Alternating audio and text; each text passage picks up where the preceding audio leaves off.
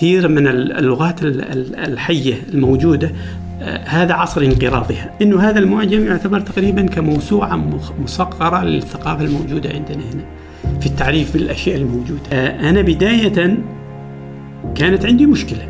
اللي هي؟ اللي هي قضية التعريف بأحرف هذه اللغة. يعني وزارة التراث والثقافة يفترض من السبعينات من أول ما أنشئت تكون مهتمة بهذا الموضوع لأن هذا أحد يعني أحد الأشياء المهمة هي قضية اللغات، اللغات هذه اللغة مش هي بس أنا بتكلم كذا، هذه ثقافة، هذه ثقافة عندك مثلا منطقة مثل هنا مثل ظفار لها آلاف السنين، كل تاريخها وثقا وحضارتها وهذا كله موجودة في في كلامنا، فأنت لما لما تحافظ أنت على اللغة حافظت على تاريخ المنطقة وحافظت على ثقافتها وحافظت على على أصالتها وحافظت على أشياء كثير قلت أنا في نفسي يا أخي إذا كان هذول الناس استطاعوا يدرسوا هذه اللغة ويكتبوا عنها. ليش نحن ما نكتب؟ الشباب اللي يقول لك مثلا هذه النظرية والناس بتتآمر علينا. طيب ليش نحن نخلي الناس كلها تتآمر علينا؟ ليش ما نتآمر نحن على الآخرين؟ بودكاست بودكاست. جلسة كرك حوار مشترك بين الضيف والهناء يركز معنا واستفيد يا الحبيب يا الحبيب تابع معنا كل جديد بودكاست بدون تصنع وتقليد. بودكاست. بودكاست لا لا لا لا لا لا بودكاست بودكاست لا لا لا لا لا لا لا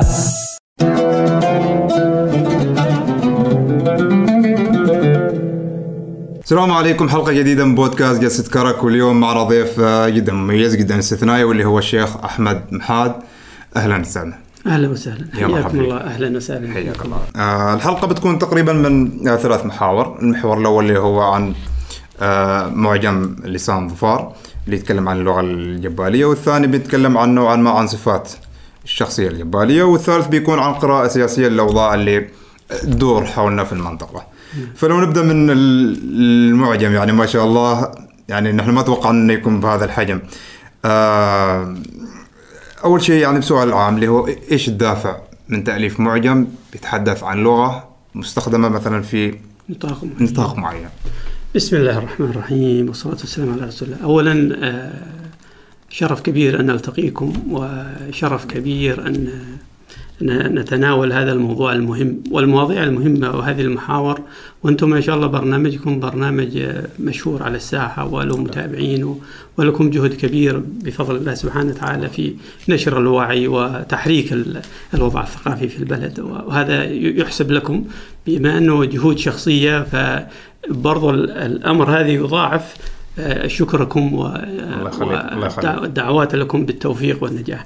بالنسبة للمعجم المعاجم عادة لها وظيفة محددة. وظيفتها حفظ اللغة.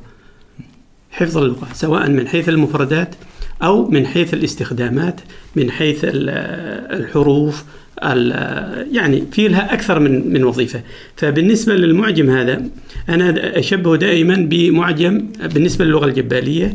أشبهه بمعجم العين للخليل بن أحمد لأنه أول معجم وضع عن هذه اللغة. وكان آه، آه، ربما من وجهة نظري آه، كنا كل الباحثين طبعا في باحثين كثير في المنطقة هنا وتناولوا هذه اللغة كدراسة وهكذا لكن كمعجم لغوي لم يسبقني إليه أحد في اللغة العربية. باستثناء الدكتور جونستون طبعا مستشرق بريطاني مهتم بالمنطقة ومهتم بالخليج وهكذا له كتاب اسمه جبالي ليكشرز معجم الجبالية بس بال طبعا بالإنجليزي وكتاباته أو الأحرف اللي كتبها هذه يسموها الأبجدية الصوتية الدولية استخدم الحروف اللاتينية. فبالنسبة لهذا المعجم هذا أول عمل آه، معجمي لهذه اللغة المهمة. فاللغة طبعا أنتم عارف اللغة هي وعاء الثقافة ووعاء وعاء الفكر و... و... والوسيلة الأمثل للتواصل بين أفراد المجتمع وبين البشر بشكل عام. فالذي دفعني لعمل هذا المعجم طبعا في بداية الأمر كنت متهيب الأمر.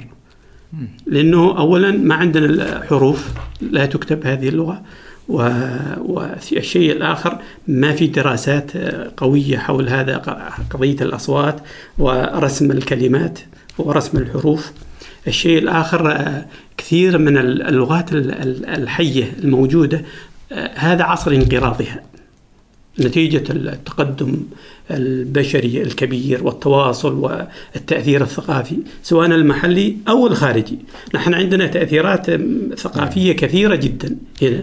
عندنا مثلا اللغة العربية الحين هي اللغة السائدة. طبعا هي لغة سائدة من منذ يعني منذ تقريبا الأزل في هذه المنطقة. وهذه بالإضافة للغة هذه اللغة العربية أيضا عندنا الآن اللغة الإعلامية اللي صارت التوسع. والغزو الثقافي كما يقول فصارت ضعفت اللغات المحلية بشكل عام. صحيح. وفي تقارير كثيرة تشير إلى أنه سنويا تموت مئات اللغات المحلية. مئات اللغات. يعني آه، بالنسبة للجبال هذه إن شاء الله لن تنقرض لكن هي ضعفت. بشكل كبير. يعني نحن الآن لما تيجي أنا أتكلم مع نتكلم أنا وشخص آخر ربما نستخدم مفردات أغلبها ما موجودة في لغتنا الأصلية. نستخدم إما مصطلحات عربية أو مصطلحات حتى أجنبية صارت. أكيد. هذه من ضمن الأشياء التي حتمت عليه وضع هذا المعجم لإنقاذ ما يمكن من إنقاذه مثل ما يقول. أكيد أكيد. نعم. ممتاز ممتاز. كم أخذ منك تأليف؟ والله يأخذ جهد كبير لأنه العمل هذا آه، طبعا في أكثر من آه، من مشروع. المشروع الأول أنا عملت في دراسة في مقدمة وفي تمهيد وفي المتن. الدراسة الأولية هذه عن اللغات وعن اللهجات وعن هذا. الدراسة التمهيدية حاولت أقصرها على قضية تاريخ هذه اللغة. الإشارات اللي وردت عنها في كتب الأقدمون المعاجم في المصادر الإسلامية وغير الإسلامية. وبعدين في في العمل الأهم في هذا هو أني آه، اخترعت لها حروف تكتب. يعني أنا طبعا بعد دراسات وبعد تمحيص وهكذا لأنه الدراسات اللي سبقتني آه، في أكثر من طريقة لرسم الحروف اللي ما موجودة في الموجودة في اللغة العربية وما موجودة عندنا في الجبالية في ثلاث أربع حروف. اللي أي هل أذكر لك إياهم إن شاء الله تباعا. آه، أولا آه، آه، في عندنا بالنسبة للحروف تنقسم عندنا إلى ثلاثة. بالنسبة للرسم. نتكلم الآن عن الرسم. وهو شيء مهم جدا. لأنه نحن الآن لا نقدر نتكلم نقدر نكتب إلا إذا كان عندنا رسم اتفق عليه الجميع. بالضبط. نعم. صحيح. فلذلك نحن الآن يعني نحن الآن آه، طبعا المفروض هذا المشروع تتولاه جهة سواء جهة أكاديمية أو جهة رسمية حتى يتفق الجميع على آلية معينة لرسم آه، حروف هذه اللغة لأنه هذه بداية التدوين. يعني نحن الآن آه، تخيل أنت اللغة العربية الحرف العربي كم جلس استمر فترة طويلة من التطور والتمدد حتى وصل إلى الحرف الذي نستخدمه الآن. يعني انت الآن لما تشوف الحروف العربية القديمة قبل قبل التنقيط قبل يعني ربما لو جبت لك نص ما تقدر تقرأه. صحيح. فاستمر تطوير وكل من كل جاء يعني وفي مجاميع وفي علماء وفي قاموا على هذا الأمر حتى وصلت الحروف العربية لما وصلت إليه، نحن لا زلنا في بدايات. تمام؟ ففي ثلاثة أربع طرق آه، حصلت أنا من خلال بحثي وهذا آه، سبقوني إليه بعض الأشخاص بعض الإخوة استخدموا الأرقام. الحروف والأرقام مع بعض. وفي بعضهم استخدموا آه، الألوان للتمييز. وفي بعضهم استخدموا الحروف اللاتينية. وفي بعضهم لك أغلبهم أو كلهم بالأحرى كتبوا اللغة هذه كأحرف منفردة ما جمعوها مثل الكلمة العربية. مثلا آه، أغات ذهب يكتبوها أ وبعدين كل حرف لحاله. ما يشبكون مع بعض أيوة مثل أيوة. الكتابة العربية. فأنا عملي هنا أني آه، حاولت قدر الإمكان بعد دراسة وبعد تغيير وبعد جهد الحمد لله رب العالمين توفقت أنه آه، استطعت أني أرسم حروف كاملة لهذه اللغة. وهذا أنا من وجهة نظري هذا ربما بداية مشروع يبغى له مشاريع أخرى لتثبيته وتحسينه وتعديله إذا أحتاج إلى تعديل. أكيد أكيد. فعندي هنا بالنسبة للعربية طبعا هي آه، بداهة هي لغة من لغات العرب. صحيح. ففي تشابه كبير إلى حد التطابق. يعني الدكتور محمد سالم المعشني له عمل رائع جدا اسمه يعني المصطلحات بين الجبالية وبين العربية. يعني كتاب تقريبا 700 صفحة أقل من هذا شوية. الكلمة العربية اللي قابل يعني نفس الكلمات المستخدمة في اللغة العربية مستخدمة عندنا هنا في الجبالية. عمل كبير يعني. آه، عمل هذا عمل يسموه علم اللغة المقار- المقارنة.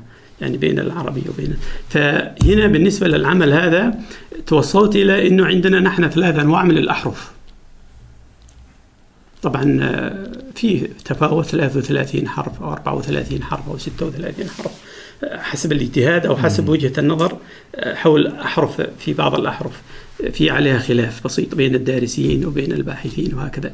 فوجدت أنه عندنا مجموعة كبيرة من الأحرف تتق يعني نفس النطق ننطقه بالعربي.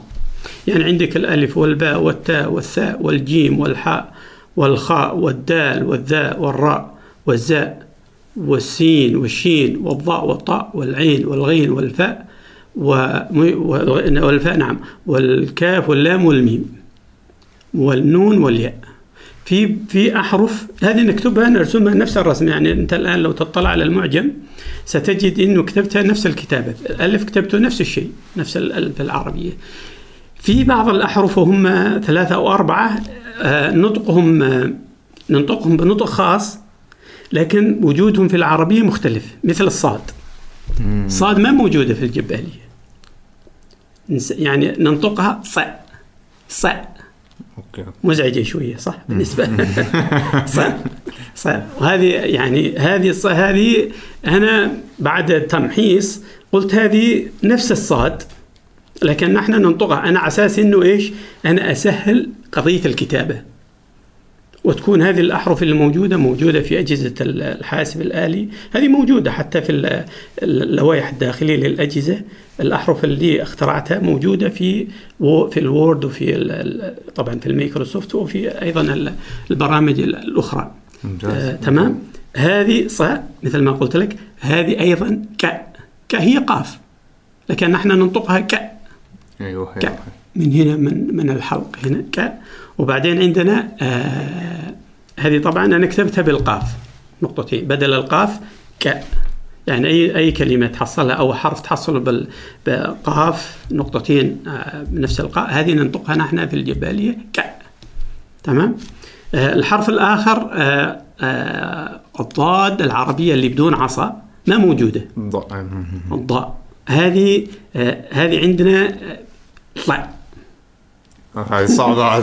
هذه عادة بديك الأصعب شوية. هذه طلع هذه طلع حتى بعض ال- ال- اللغويين مثل سيبويه وبعض ال- ال- المعجمين وبعض الدارسين المعاصرين يقول لك إنه العربية القديمة كانت تستخدم هذا الحرف. لكن عندنا شيء في اللغات يسموه قانون التس... التسهيل إيش هو قانون التسهيل؟ يعني في بعض عندنا بعض الحروف تكون قاسية أو مزعجة أو صعبة النطق. فالمجتمعات عادة عندما تتطور تصبح عند هذه هذه الاحرف صعبة فتتخلص منها تلينها أو تستبدلها أو تهملها. فهذه لا زالت موجودة عندنا. يعني الله لما تشوف ال- الصاد اللي عليها نقطة بدون عصا هذه طلع عندنا. تمام؟ هذه هذه ال- ال- ال- هذه الأحرف ال- ال- الموجوده في العربية ما موجودة هي ثلاثة مثل ما قلت لكم. اولا الصاد نقول ص بعدين الكاء اللي هي عن القاف وبعدين عندنا الضاء ط ضاد اللي بدون عصا هذه آه، رس- رسمتها بنفس الرسم العربي لكن نطقها مختلف. أيوه. في في أربع أحرف آه، أو خمسة حسب مثل ما قلت لكم توجه الدارسين. هل هي هذه أحرف مستقلة أم آه، ط- طريقة أخرى لنطق أحرف موجودة؟ أيوه أيوه. تمام؟ فهذه برضو أربعة. هي الحرف مزعج جدا بالنسبة لكم أنتم. يعني ربما ما تقدر. شاء. آه. هذه الشاء آه، أشهر كلمة فيها شاهي اللي هي شاهي. يعني هذه الناس الكبار عندنا آه، هذه مثل شفت إيش أقول لك؟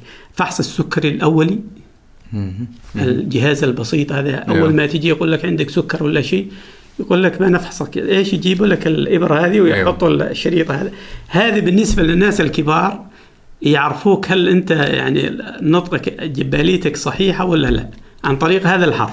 يقول لك قل شاهي. إذا قلت شاهي قول هذا خلاص. هذا هذا ما هو. هذا خلاص أيوه. يعني. لكن لكن قل إيش؟ شاهي. فيها شيء من الصفير شاهي. تمام؟ فهذه أنا شا هذه هي شين. ال ال هذه اللغة يعني هذه اللغة طبعا هي لغة. الحين صارت لغة.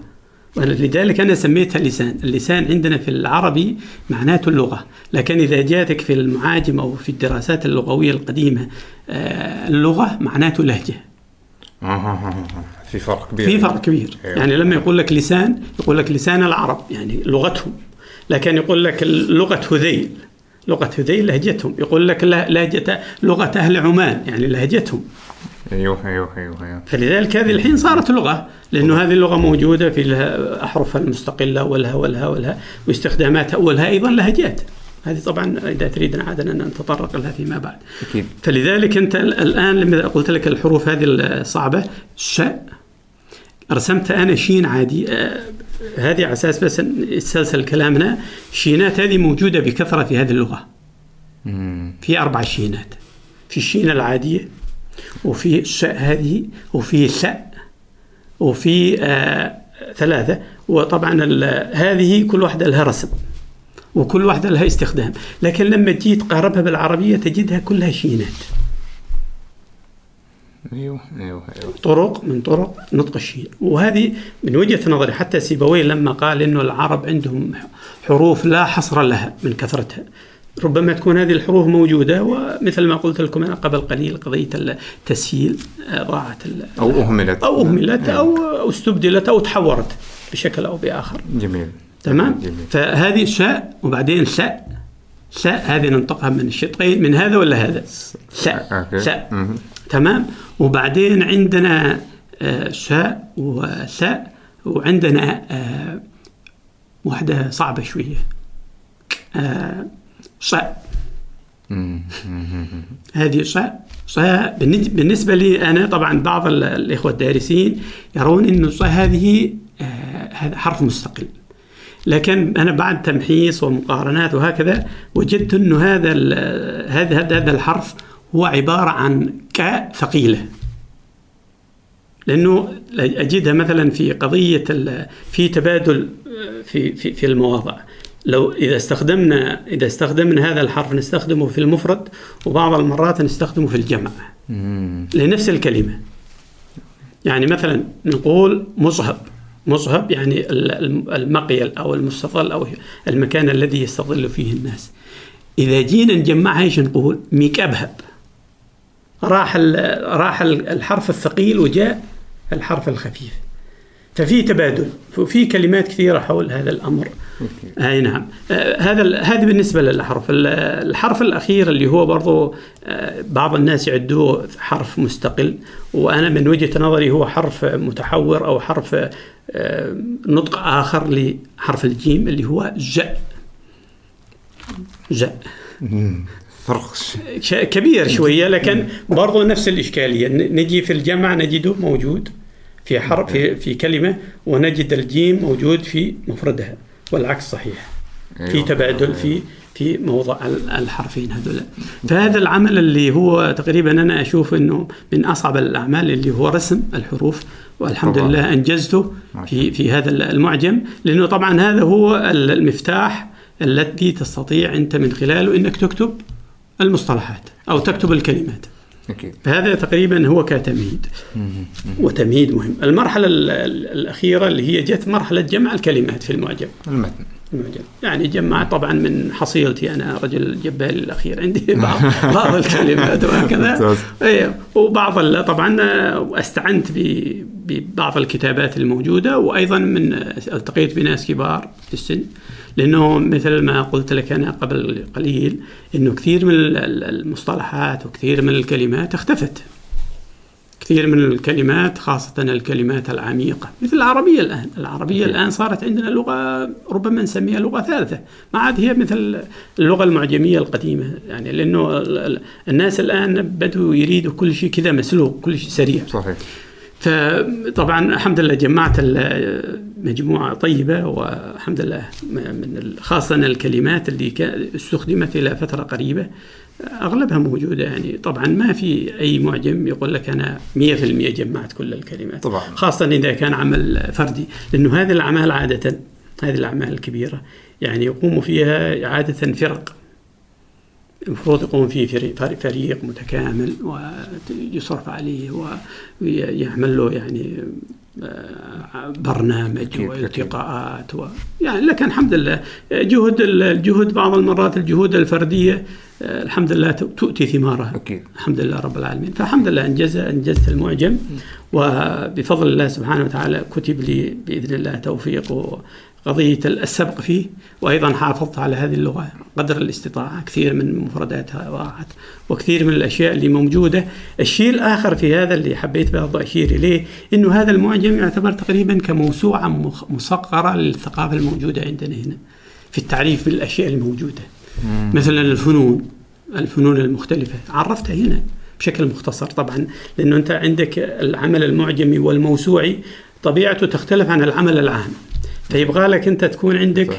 تركيز. حول مثلا الأشياء بحيث لا يكون عندك آه، آه، آه، أعوذ بالله من الشيطان الرجيم يكون عندك يعني توسع إسهاب قصدي أو يكون عندك اختصار مخل.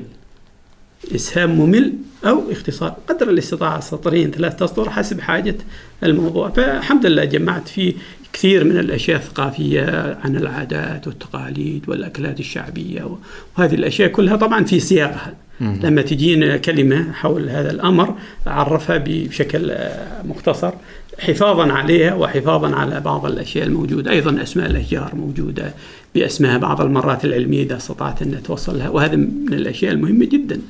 أكيد تأخذ وقت كثير في كثير البحث. كثير. يعني بعض المرات يعني شوف كلمة بعض المرات تأخذ منك وقت كلمة واحدة. تأخذ منك جهد غير عادي. حتى إنك تستقصيها بشكل وقضية يعني شوف بالنسبة لقضية التجمع أنا أسميها الفرشة الأولى. بالنسبة للمعجم ما أخذت مني وقت كثير. اللي أخذ مني الجهد الأكبر هو المراجعة والتمحيص. هذا أهم شيء أهم عمل. يعني العمل الآن بإمكانك أنت تعمل عمل وتقول لي خلاص أنجزت. لكن إذا بغيت عمل رصين في العادة لابد يمر بثلاث مراحل. المرحلة الأولى مرحلة الفكرة العامة. تحط خطتك وهكذا وبعدين تجيك مرحلة الجمع وهكذا. وإذا عندك الآن صارت عندك كومة من هذا تبدأ أنت تتوظفها حسب حسب أنت وجهة نظرك وحسب برضو ثقافتك وحسب يعني نعم الوضع الأصلي للبحث العلمي أسس البحث العلمي صحيح. صحيح صحيح. زين أنا في في تساؤل أنت بتتكلم على بالي اللي هو آه يعني إيش المصادر اللي اعتمدت عليها؟ في تأليف هذا المعجم؟ والله بالنسبة للمصادر طبعا المصادر معروفة عندنا طبعا مصادر مكتوبة وغير مكتوبة. المصادر المكتوبة بيني وبينكم مش كثير. صحيح. مش كثير يعني. صح في الدراسات موجودة كثير وستجد لو طلعت إن شاء الله على النسخة نسخة المعجم هذه ستجد في آخر الدراسة التمهيدية المصادر التي اعتمدت عليها وهي تقريبا أغلبها عن الدراسة التمهيدية تاريخ اللغة وهكذا. لكن بالنسبة للوضع يعني اللغوي الحالي بالنسبة للجبالي هنا آه، بالنسبة للكلمات تحديدا اعتمدت اعتماد كامل على الدراسة الميدانية. حصيلتي أنا وأيضا الناس الذين ألتقي, ألتقي فيهم بين حين وآخر. يعني بالمناسبة آه، قبل آه، يعني كان دائما تكون عندي ورقة. أي مجلس أجلس فيه أو أي مكان. أو عندي الآن لما جتنا التليفونات هذه الهواتف هذه النقالة. ملاحظة. دائما أخذ قضية أخذت هذا يعني هذا مش دعاية للسامسونج هذا صاحب القلم. على طول دائما أي كلمة أسمعها على حتى الآن حتى الآن حتى يومك هذا اليوم سجلت بعض الملاحظات حول هذا الأمر لأنه قلت يعني إن شاء الله أحاول قدر الإمكان في مستقبل الأيام إذا بطبع طباعة جديدة وتلافى بعض الأشياء وفي إضافات بتكون. فدائما قلت لك إذا إذا سمعت كلمة على طول ربما بعض المرات يكون قد كتبتها لكن حرصا مني على أن لا أفوت شيء أكتب. إذا وجدت نفسي قد كتبتها أقارن هل هي نفس الكلمة يعني بنفس المعنى ونفس الرسم وهكذا وإذا ما وجدت يكون بركة كأني حصلت على شيء إذا وجدت كلمة جديدة طبعا طبعا نعم. طبعا, طبعا. فهذه المصادر يعني أغلب مصادري بالنسبة للحصيلة اللغوية للمعجم هي حصيلة ميدانية ممتاز ممتاز ممتاز زين آه، من تستهدف بهذا المعجم تحديدا؟ آه سبحان الله نفس التساؤلات اللي أنا حطيتها هنا عندي في المقدمة آه استهدفت اولا أبناء هذه اللغة في بداية الأمر. استهداف مباشر. لأنه الآن الأجيال الجديدة مثل ما ذكرنا في مقدمة الكتاب في مقدمة اللقاء إنه الأجيال الجديدة الآن صارت تتنازعها مجموعة آه، مشاغل ومجموعة أفكار ومجموعة ثقافات. فصارت اللغة هذه تقريبا كثير منهم آه، حفاظا مني أو, أو حفاظا مني على مثلا أصالة هذا المجتمع وهذه اللغة إني استهدفت الجيل الجديد آه، إذا أحد منهم لديه الرغبة إنه يطلع على لغة آبائه وأجداده موجودة عندك. ما ما عندك عذر الآن تقول إنهم من وين أتعلم؟ موجودة. وبالعكس يعني الشباب عندنا موجود كلهم يعرفوها تقريبا أغلبهم. ما في قليل جدا من تجده تخلى عنها. لكن الإشكالية وين؟ في العمق. في عمق الاستخدام. يعني أنت الآن بعض المرات لما تسمع الناس الكبار في السن طبعا ما يرضوا بهذا الكلام. لما تسمع يقول لك هذول وينك أنت من من ال... يعني لما تسمع كلام رجل كبير في السن في الستين أو سبعين من العمر وتسمع كلام الآن شباب حتى طريقة النطق اختلفت بشكل كبير. فهذه الفئة الأولى. الفئة الثانية هي هم الدارسين. دارسي اللغات بشكل اللغات العربية بشكل خاص ودارسي اللغات بشكل عام. والحمد لله رب العالمين. يعني دائما بعد فترة وفترة يتصل فيني أحد من الباحثين وأغلبهم من خارج السلطنة. وبعضهم يأتوا يجلسوا معي وهكذا. الحمد لله رب العالمين. ممتاز. والحمد لله. يعني هذه الجهات هذه ال- الفئات المستهدفة بشكل مباشر من آه، وضع المعجم. ممتاز ممتاز. زين آه، أستاذ أحمد أنت ذكرت إن في آه، مقاربات لفظية. بين اللغة الجبالية واللغة العربية الفصحى. نعم. هل هي مقاربات يعني كبيرة جدا؟ مية في المية. يعني نحن الآن كثير من الأشياء. مش هذا وبس بعض الكلمات اللي موجودة هنا في المعجم أيوه. موجودة ونستخدمها نحن بشكل يومي. ربما في اللغة العربية المعاصرة ما عادها مستخدمة بشكل كبير. نعم. وذكرت لك أنا في بداية المقابلة أنه المقاربات هذه وضعها الدكتور محمد آه، سالم المعشي جزاه الله خير في آه، كتاب رائع جدا آه، مقابلة يعني اسمه موجود اللغة العربية لسان ظفار الحميري المعاصر. لسان ظفار الحميري المعاصر. الدكتور محمد طبعا عد الجبالي هذه اللغة حميرية. وأنا اختلفت معه بشكل كبير طبعا. ليش؟ ليش؟ لأنه طبعا من خلال الدراسات وهذه اللغة الحميرية مختلفة تماما. اللغة الحميرية والمهرية واللغة العربية وهكذا. في تشابه. وفي في وفي كلمات ربما لا حصر لها موجودة بين اللغات هذه. وهذه طبعا هذه لأن نحن عندنا منظومة واحدة منظومة لغوية اللي هي اللغة العرب اللغات العربية وبعضهم يسموها اللغ- اللغات العروبية وبعضهم المستشرقين يسموها اللغات السامية. يعني أنت الآن لما تجي عندك آه، يعني تحط لي جدول هنا وتجيب كلمة مثلا رأس. تجدها متقاربة جدا بين بين العربية وبين الجبالية وبين المهرية وبين الآرامية وبين الكنعانية وبين ال يعني اللغات العرب وبين السبئيه وبين المعينية هذه أشياء موجودة ليش؟ لأنه الأصل واحد خاصة في الأشياء مثلا ال- الكلمات الدالة على أشياء معروفة مثل جسم الإنسان أو ال- الأشياء الحياة, اليومية وهكذا. ففي مقاربات كثيرة جدا. يعني في مقاربات وفي مقاربات إلى درجة. يعني بعض الدارسين يقول لك طبعا وأنا اختلفت معهم إلى حد ما أنه يقول لك الجبالية هذه هي اللغة العربية الأولى. هي هي أصل اللغة العربية. وطبعا آه، في يعني مثل الأستاذ عادل مريخ في له كتاب اسمه العربية الأولى. يقصد إنه هذه اللغة هي أصل اللغة العربية. ليش؟ لأنه قال لك محتفظة ب- بحروف محتفظة بكلمات محتفظة بجمل محتفظة بمصطلحات وعبارات لا, لا زالت يعني ما, ما كانت تستخدم في العربية الأولى. وبعدين تطورت هذه اللغة من منها تحورت تطورت تطورت حتى وصلت خرجت عن نطاق هذه اللغة وصارت عندنا اللغة العربية. طبعا أنا آه، شككت في هذا وطبعا ذكرت الكلام هذا في المقدمة لأن العربية أوسع الكلمات. وأغلب الدارسين الآن يقول لك أن العربية هي أصل اللغات. ربما نقول هذا بسبب يعني ربما تعصبا لكن بعض الدارسين الأكاديميين المحللين المدققين أتى بنصوص يعني وأتى بت- بتعريفات وأتى بمقارنات ومقاربات. يقول لك هذه كل أغلب اللغات الموجودة الآن أصلها عربي. بس ما يحضرني للأسف على أساس ما أتعالم عليك يعني. ما يحضرني اسماء لكن أنا قرأت وموجود معروفة إنه يقول لك إنه العربية هي أصل اللغات وأمها. زين آه في فترة من الفترات تقريبا قبل كم سنة أنت كنت تقدم دروس على قناتك في اليوتيوب أو على قناه من القنوات في اليوتيوب آه تعلم فيها اللغة الجبالية. هل تعتقد أنه خصوصا إنه أنت عارف إن هذا العصر تقريبا آه التوجه نحو الكتب والقراءه ما هو هذاك صحيح التوجه صحيح الكبير. صحيح. فمن الواجب أن مثلا نفس هذا النوع من اللقاءات أو حتى في قناتك في اليوتيوب أن توعي الناس لأن التوجه الآن توجه مريض صحيح. بالمقام الأول. 100% آه ليش توقفت؟ ليش توقفت؟ ما توقفت. أنا شوف في البداية أنا آم، طبعا وقت الوقت ما عندنا وقت.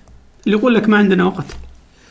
يعني آه، عندنا وقت لكن نسيء استخدام الوقت. ما نستغله بشكل صح. مثلا شخص عنده عنده ثروة ولا عنده شيء وتجده مشرد ولا تجده كذا. عندنا وقت. يعني نحن الآن أنا أجلس على الهاتف هذا أجلس عليه ساعات. لك موضوع أولويات. ما- عندنا أولوياتنا.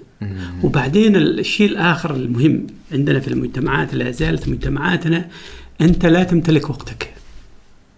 أيوه أيوه أيوه أيوه. ما تمتلك وقتك. يعني انت الآن شوف الكمية الإنجاز اللي أنجزتوها لما جيتوا إلى صلاله قارنها بإنجازك في مسقط. إنجاز هنا أكبر. ليش؟ لأن أنت تحررت من كثير من القيود اللي هناك. وصرت حر نفسك يعني حر في في وقتك. طبعا الحرية طبعا لها تعريفات كثيرة جدا. فالطريف في قضية الموضوع اللي ذكرته أنت تفضلت فيه آه، أنا بداية كانت عندي مشكلة. اللي هي. اللي هي قضية التعريف بأحرف هذه اللغة كيف الناس تستطيع أنك أنا لا أنا الآن وصفت في الدراسة التمهيدية كما قلت لك آه، وصفت طريقة نطق هذه الحروف. لكن لو قرأتها من هنا إلى الصباح ما تقدر تنطق حرف واحد. لذلك سبحان الله نبهني سيبويه. الله يرحمه. جدنا سيبويه إلى موضوع مهم جدا. قال إنه في كثير من الحروف لا تستطيع أن تدركها وتستطيع تعرف نطقها الصحيح إلا عن طريق السماع. تجلس مع شخص. يعني أنت الآن لما جيت أجي أنا أقول لك صع آه، يعني أوصف لك هنا ثلاث أربع صفحات كيف تنطق الصع هذه. ما بتعرف. وربما حتى لو لو أعطيتك كم من صوت كذا ما تقدر. والإنسان عادة تحت التعذيب. يجيد ما لا يجيد في اوقات في أوقات أخرى. ف- ف- فاتضح عندي سبحان الله يعني التقطت إشارة سيبويه. هذا قلت يعني ضروري إني أعمل آه، مقطع خفيف حول شو اسمه؟ حول نطق ال- الأحرف. وهذه هو البداية.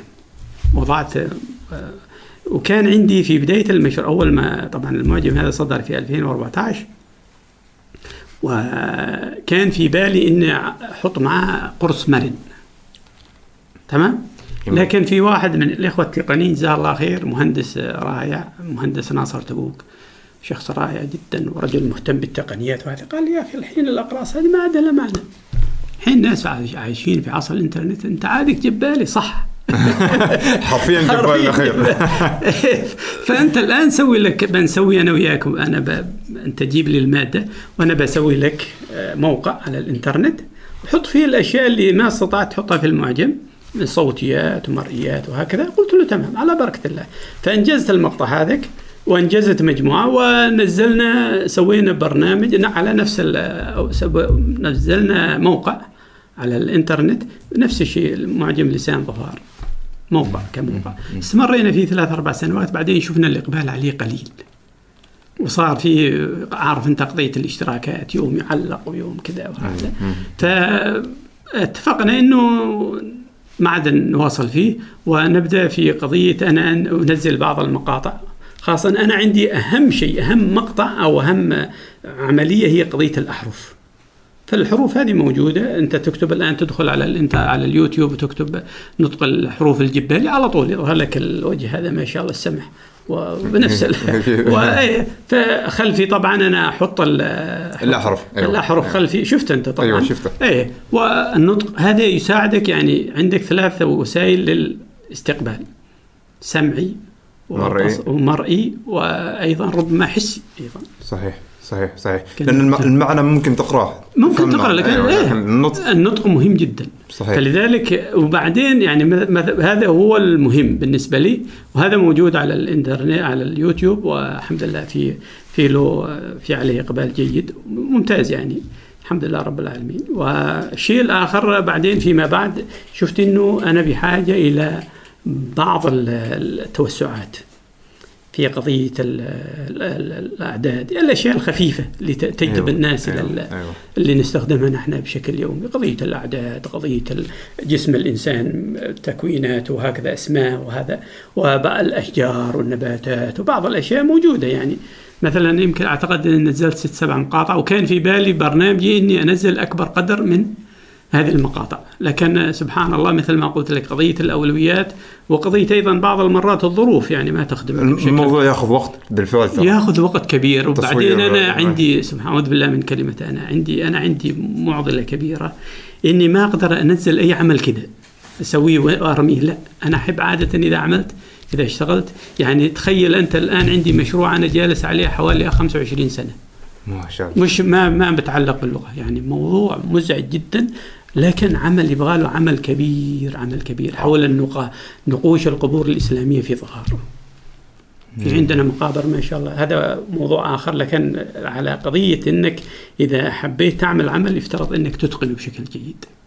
ما فقط كذا. ما فقط ارميه كذا على أساس إنك أنت باحث والكاتب الفلاني وال والأستاذ الفلاني والشيخ الفلاني. مش مهم هذا. المهم إذا حطيت بصمة حطها حطها صح. أكيد.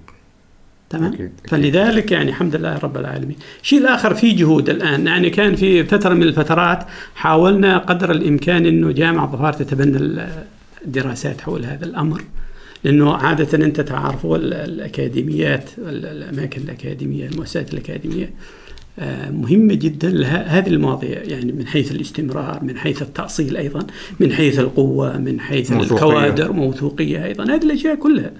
ومجلس البحث العلمي أيضا له يعني افترض يكون له دور كبير. أنا قابلتهم أكثر من مرة لكن للأسف هذه الأشياء عندنا نحن لا زالت ماري. أحب دائما أستخدم الكلمات ال- ال- الأجنبية والمصطلحات الأجنبية يعني ال- ال- الإبطاء في اتخاذ القرار مشكلة. ما اريد أقول روتين ولا تعقيدات بيروقراطية مثل ما يقول وهذه صح يعني هذه موجودة. وهذه مكبلة يعني كبلتنا بشكل كبير جدا. يعني وزارة التراث والثقافة يفترض من السبعينات من أول ما أنشئت تكون مهتمة بهذا الموضوع لأن هذا أحد ال- يعني أحد الأشياء المهمة هي قضية اللغات، اللغات هذه اللغة مش هي بس أنا بتكلم كذا، هذه ثقافة، هذه ثقافة عندك مثلا منطقة مثل هنا مثل ظفار لها آلاف السنين، كل تاريخها وثقا وحضارتها وهذا كله موجودة في في كلامنا. فأنت لما لما تحافظ أنت على اللغة حافظت على تاريخ المنط- ال- ال- المنطقة وحافظت على ثقافتها وحافظت على على أصالتها وحافظت على أشياء كثيرة. فاللغة هذه أنا دائما أشبه شخص طبعا هذا حتى الدارسين في الإنثروبولوجيا وهكذا يقول لك إنه الشخص إذا مات كبير شخص كبير في السن ماتت مكتبة. طبعا يعني انت عندنا طبعاً. بعض الناس للأسف للأسف وأنا ألوم نفسي لوم قاذع جدا. عندنا بعض الناس ما شاء الله كان الله يرحمهم كانوا موسوعات. موسوعات موسوعات. يعني انت الآن لما تسمع يقول لك يقول لك ال الشعبي ولا يقول لك الأصمعي ولا يقول لك مثلا هذول الناس الكبار اللي دائما يرددوا في التراث العربي هذول الناس أول ما يسمعوا كلمة يلقطوها على طول شعر ولا نثر ولا شيء وهم اللي حفظوا لنا الثقافة العربية والإسلامية من الضياع وأغلبها بالسماع. عندنا عندنا ناس كبار في السن. حتى عهد قريب كانوا مثل هذو هؤلاء. يعني ناس ما يفوتوا شيء. حفظ غير عادي. لما يجيك يتكلم لك قبل عشر سنوات في موضوع ويكلم لك إياه الآن كأنه بيقرأه من ورقة. لأنه إيش مو معتمد اعتماد كامل على هذا. لا عنده لا لا تو- لابتوبات ولا عنده ولا إنترنت ولا شيء. كل شيء محتفظ فيه هنا في جمجمته. تمام؟ فكأنك أنت نفس ما قلت يعني الموضوع كأنك تخسر خلاص مكتبه تختار أشياء كثير يعني من, من الواجب إن على الأقل الأشخاص المتبقين سواء مفكرين فلاسفة. نعم. الناس يجلسوا معاهم تجلس معهم. يعني أنت الآن شفت الجلسات اللي أنت جلستها؟ كم حفظت؟ كثير كثير كثير. كم حفظتوا؟ يعني نحن كان عندنا سبحان الله قبل سنوات عملنا ثلاث دراسات مش أنا طبعا في برنامج آه، في كان عندنا آه، مركز التراث الشعبي لدول الخليج العربي. كان من أروع المراكز مهتم بثقافة الخليج في فترة ما قبل النفط. كان عندهم آه، برنامج عندهم موازنات ضخمة ما شاء الله. تعرف ان دول الخليج لو اجتمعت بتعمل عجائب لو اتفقت وعندها برنامج وعندها رؤية وعندها مثلا سخرت إمكانياتها يعني كانت عملت أشياء غير عادية. فالمركز هذا جزاهم الله خير عامل يعني كان يعملوا في عندهم مشروع من أروع المشاريع اسمه آه، مرحلة آه، دورة الحياة في الخليج في مرحلة ما قبل النفط. كيف الناس كانوا عايشين؟ في زواجهم وفي آه، زواجهم وفي وفياتهم وفي حياتهم اليومية وفي معيشتهم إيش أكلهم إيش شربهم إيش لبسهم. فكانوا يطبقوا هذا البرنامج على البيئات الخليجية. فسبحان الله ما كان حد يعرفنا في فترة من الفترات جت مسؤولة البرنامج إلى هنا استدعوها الجماعة بطريقة أو بأخرى وبعدين جلسنا معها. إيش معكم يا جماعة؟ ونحن ما نعرف ال- البرنامج هذا. قالت البرنامج هذا نحن كذا كذا. قلنا طيب هذا المنطقة هذه بكر وفيها من الأشياء اللي ما تخطر لكم على بال. عمان كلها مش هنا وبس. يعني عمان مخزن. مخزن للأصالة أو مخزن للثقافة أو مخزن للتاريخ ومخزن يعني كل اللي تريدوه موجود. معقولة؟ قالت قلنا لا معقولة. إيش عندكم؟ قالت عندنا الآن بننفذ برنامج عن الزواج عن الميلاد آسف مراحل الميلاد. مراحل الميلاد طبعا ميلاد الطفل كيف تنشئته وكذا وكذا وكذا. وبعدين مرحلة الزواج وعاد بعدين المرحلة الثالثة مرحلة الوفاة عادات الوفاة وتقاليدها وهكذا. فاتفقنا معهم سوينا برنامج هنا بشهادتهم قالوا هذا من أفضل البرامج اللي نفذناه على مستوى الخليج كله. ثلاث مشاريع. فأذكر إيش اللي جرنا لهذا الكلام اللي هي قضية توثيق. توثيق. جلسنا مع ناس لو ما جلسنا معهم هذيك الفترة كان ضاعت. ضاعت. وراحوا الحمد لله وجمعنا والآن الحصيل هذا موجودة في وزارة التراث. بعد ما المركز طبعا راح وفش... آه، ألغوه هكذا وحطوا أعطوا كل دولة أعطوا لها شو اسمه المواضيع اللي مختصة فيها. هذا رصيد للأجيال القادمة. هذه الأجيال القادمة. أنا ال... يعني أنت تخيل في المكتبة البريطانية حصلت أشياء لو دورت عليها 100 سنة هنا ما تحصلها. مثل ويش؟ معجم جونستون الأدوات اللي يستخدمها والتسجيلات بعض التسجيلات وأوراق وهكذا محفوظة هناك عندهم هذول الناس ما يضيعوا شيء صحيح وعندنا بعض الأشياء البسيطة يعني نحن الآن لما نجي آه، فلذلك أنا من من سنوات والعياذ بالله من كلمة أنا من من يمكن 30 سنة وأنا بطالب بانشاء مكتبة وطنية في عمان. المكتبه الوطنية هذه مثل ذاكرة الأمة. المكتبه الوطنية، المكتبه الوطنية حط فيها كل شيء. كل المطبوعات اللي طبعت عن عمان حتى الأوراق. والله. ولا لك عليه حلفان. في المكتبة البريطانية هذه اللي قلت لك عنها وجدت شفت المطويات اللي يسووها عن عن المحاضرة ولا شيء وجدت مطوية عن عمان في المتحف في المكتبة البريطانية. إيش بيستفيدوا منها؟ طبعا ما يستفيدوا. هم ك... لكن نحن نستفيد منها. يعني الناس مهتمين في قضية التوثيق لأن التوثيق هذا بداية أي عمل لازم تكون عندك بيانات. البيانات هذه إذا ما عندك توثيق ما عندك بيانات. طبعا. حتى ولو تريد. طبعا. نعم. طبعا طبعا. بالنسبة لأحد الدوافع يعني أقوى دافع خلاني أو حفزني على إنجاز المعجم. طبعا وجدت آه، بحكم عملي في وزارة التراث والثقافة جوني مجموعة باحثين. مجموعة باحثين من تقريبا من كل قارات العالم. أمريكان على أوروبيين على يابانيين من كل طائفة تقريبا عدا العرب حتى نكون صادقين يعني. تمام؟ فمن ضمن الأشياء هذه يجلس يحاورني يعني من ضمن ال- اللي عجبوني حقيقة وأثروا فيني تأثير كبير آه، البروفيسور ناكانو الياباني في جامعة طوكيو للدراسات الأجنبية. هذا الرجل يعني بالرغم من كبر سنه وضعف قوته وبصره لكن هذا الرجل أعطاني دافع بإيش؟ إنه آه، قد جاء هنا في ظفار في الثمانينات وعد قائمة ب- بمجموعة آه، كلمات آه، من اللغة الجبالية ونشرها في كبحث علمي محكم في الجامعة. وطبعا مثل ما يقول ربما الرجل لم يجد يعني وجد إنه هذا العمل يستحق إنه يطور أو إنه مثل ال- ال- المثل اللي عندنا اللي يقول لك إيش؟ يقول لك الشخص إذا أفلس يدور يبحث في آه، ملفات والده يعني في سجلات والده القديمه حصل فيه شيء. ربما هذا وجد إنه هذا الموضوع ربما يحتاج إلى تطوير. خلاصة الكلام حتى ما نطول إنه جاء إلى إلى ظفار هنا في 2009 2008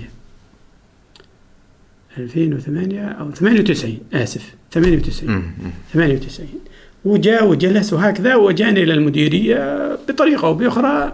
اتفقنا إنه قلت له ماذا إيش المطلوب؟ قال أنا عندي قائمة وأريد أطورها وأريد شخص يعلمني أجلس معه أساس أطور هذا يكون عنده خلفية عن هذه اللغة. المهم حاولنا نشوف له أحد. آه، طبعا أحد من كبار السن. قلنا ربما ما يفهمه. فجلست معه هنا. هذا الرجل صار مثل تلميذ. تلميذ التلاميذ ثمانينات. تقريبا أظن بيكون في الثمانينات. لأن هذول ما يبان عليهم يعني يبان عليهم السن بعض المرات حتى لو كان عندهم لكن رجال كبير كبير يعني في السن وجاء فالرجل هذا انتظم والله مثل الطالب المجد الخويف اللي يخاف من التفريط ويخاف من المدرس. على طول الساعة 8 الصباح يجيني هو شنطته وأوراقه أحصله قدوة أمام المكتب. أجلس ساعة كاملة يوميا لمدة شهرين. ووجدت عنده إلمام لأنه استخدم آه، ال- المصطلح اللي قلت لكم إياه في بداية الحلقة اللي هو الأبجدية الصوتية الدولية.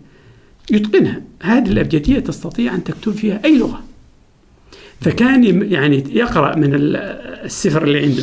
أو البحث اللي قدمه في الثمانينات أو أعده في الثمانينات وعنده دفتر صغير كذا مال ملاحظات وعنده أقلام عمري ما شفتها أقلام دقيقة جدا من الكتابة اليابانية. بعدين أهداني جاب لي جاب لي منها. يعني أقلام رائعة جدا خاصة بالكتابة الياباني إذا شفتها كذا صغيرة جدا يمكن فاصلة خمسة وبعضها فاصلة ثلاثة يعني السنة على أساس يكتب بين السطور من شدة اهتمامه.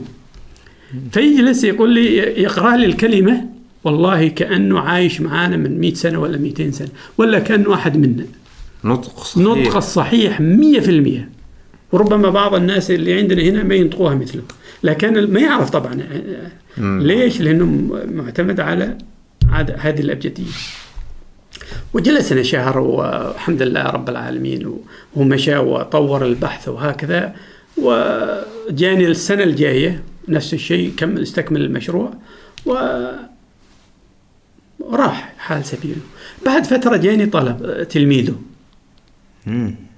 هو أخبرني أنه الدكتور توفى وأنه وصاه قال له إذا تريد تبحث أنا أبحث عن ال- الأصوات في هذه اللغة وبتروح تحصل فلان بن فلان في وزارة التراث أعطاه رقم تليفوني وأعطاه العنوان وروح عنده.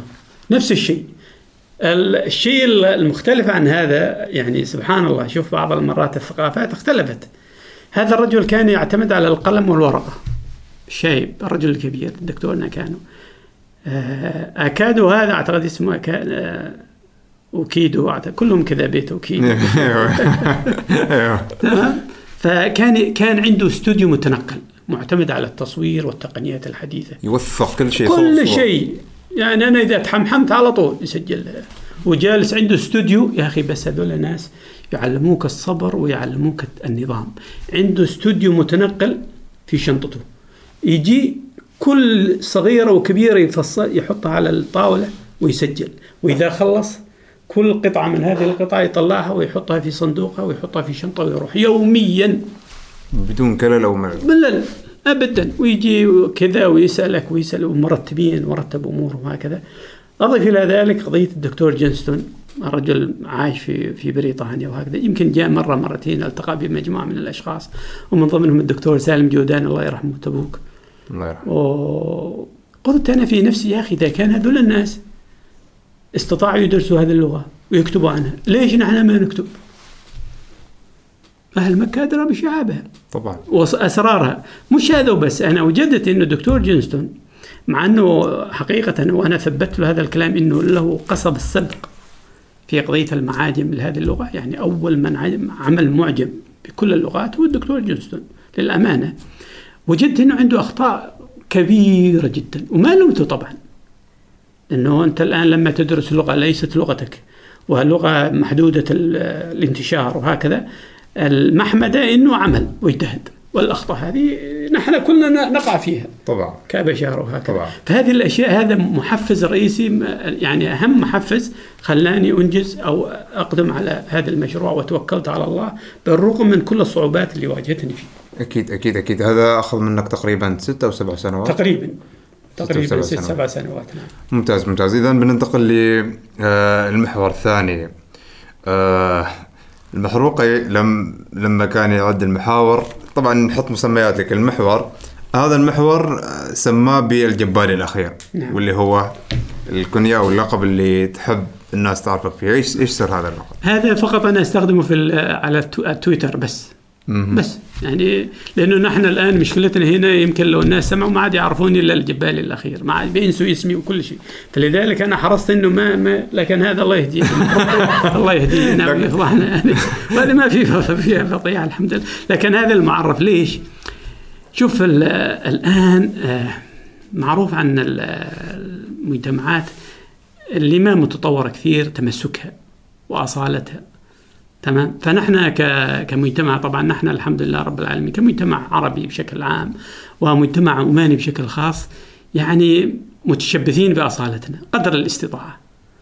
في تحديات كبيرة وفي آه، تحديات هذه تتوجب عليك إنك تكون لا قاسي كثير تكسر ولا مرن تذوب. تمام؟ فنحن في في في الجبل عندنا كل طبعا المجتمعات لهم صفات صفات رائعة جدا. في النخوة وفي الشرف وفي الأصالة وفي وفي وفي وفي الصلابة وصلابة الموقف و وهذه الأشياء. فأنا يعني استهوتني وربما قبل اللقاء قلت لكم أنا ما أحب عادة يعني أنسب شيء لنفسي أنا ما مخترعه طبعا لأنه هذا له قصة يعني. كنت ب- ببحر في على التويتر فوجدت أحد الإخوة ال- أعتقد من المملكة العربية السعودية كاتب في معرفه الأعرابي الأخير. الأعرابي هذا وين الناس الحين بت- بتشرد الآن؟ يقول لك هذا الأعراب أشد ما يعرفوا شوف ال- الله سبحانه وتعالى قال لك الأعراب أشد كفرا ونفاقا واجدر أن لا- يعلم حدود ما أنزل. لكن قال في الأخير يعني ومن الأعراب من يتخذ ما ما, ما ينفق مغرما ويتربص بكم. ومنهم في يعني ناس بيعملوا خير من الأعراب. الناس نسوا هذيك ال- اللي فيها محمدة وفيها ذكر وركزوا على وركزوا على ال- قضية أشد كفرا ونفاقا. فالأعراب هذا اللي فيهم أشياء. يعني العرب زمان نحن كلنا أعراب. أصل العرب كلهم أعراب كلهم بدو. طبعا. كلهم. إذا ما كان عربي من اصلي ما إذا ما كان له أصول من البادية وهكذا مش عربي لأن طبعا. العربية هي يعني الجزيرة العربية منطقة. فاستهوتني شو اسمه استهوتني المسمى فأخذته قلت أنا طبعا مش اعرابي أنا رجال جبالي فقلت الجبالي جبالي لا لا تعرف ال- الاسم نوعا ما يجذب في نفس الوقت. الأشخاص اللي أنا أوجه لهم تحية ح- علوي المشهور حاتم اليافعي لما كنا نتواصل معهم يقولوا آه في شخص كذا كذا ألف كذا كذا كذا اسمه الجبالي الأخير. بعدين يقولوا الأستاذ أحمد مهاب. فهمت ذا فالاسم نوعا أقول ما. لك هذول أصلا متابعيني. هذا بتابعهم بتابعهم على تويتر وهكذا. هذا بالنسبة للتويتر بس. خارج تويتر أنا ما, ما معروف أحمد محمد أحمد مهاب أحمد مهاب. ممتاز ممتاز ممتاز. إنزين آه آه كونك يعني كونك الجبالي الأخير بنتكلم عن آه الإنسان الجبالي. يعني طبعا لكل إنسان في صفات تميزه بحكم بيئته بحكم الطقوس اللي مارسها إيش هي أسماء الطقوس أو الشعائر اللي يعيش عليها الإنسان الجبالي والله بالنسبة. طبعا مثل ما قلت أنا قبل شوية كل مجتمع له سمات معينة. طبعا السمات هذه غالبة على أفراده. آه بالنسبة لنا نحن في الجبل عادة آه تقريبا من الأشياء المعروفة جدا وأشياء اللي نحاول قدر الإمكان أنه نتمسك بها ونتشبث بها قضية آه السماحة وقضية الكرم قضية سهولة البساطة في الحياة. يعني نحن لو لو تجي مثلا في الجبل وتجلس عندنا تجي عند دار معينة وتجلس أي بيت تجيك من أي بيت تجيها إذا نزلت عندهم كأنك صرت يعني تعرفهم من عشرات السنين. ناس سمحين جدا وبشوشين وهاديين وهكذا وناس ودودين إلى حد كبير وناس منطلقين أيضا. ما عندنا عقد إلى حد كبير. ومع ذلك عندنا نحاول قدر الإمكان أنه نتشبث بأصالتنا. هذه هذه العادات والتقاليد طبعا نحن نراها منطلقة من ثلاث أشياء. اولا من ديننا. ثم من بيئتنا ثم من وطننا هذه سمات مشتركة. طبعا طبعا طبعا. تمام؟ فكلما نحن هذه الأشياء يعني هذه نمارسها ونحاول قدر الإمكان إنه ننقلها للأجيال الجاية بإذن الله قدر الاستطاعة. بالرغم مما قلت لك إنه في كثير من التحديات وهذه الأشياء لا زالت الحمد لله موجودة بفضل الله سبحانه وتعالى. جميل جميل جميل.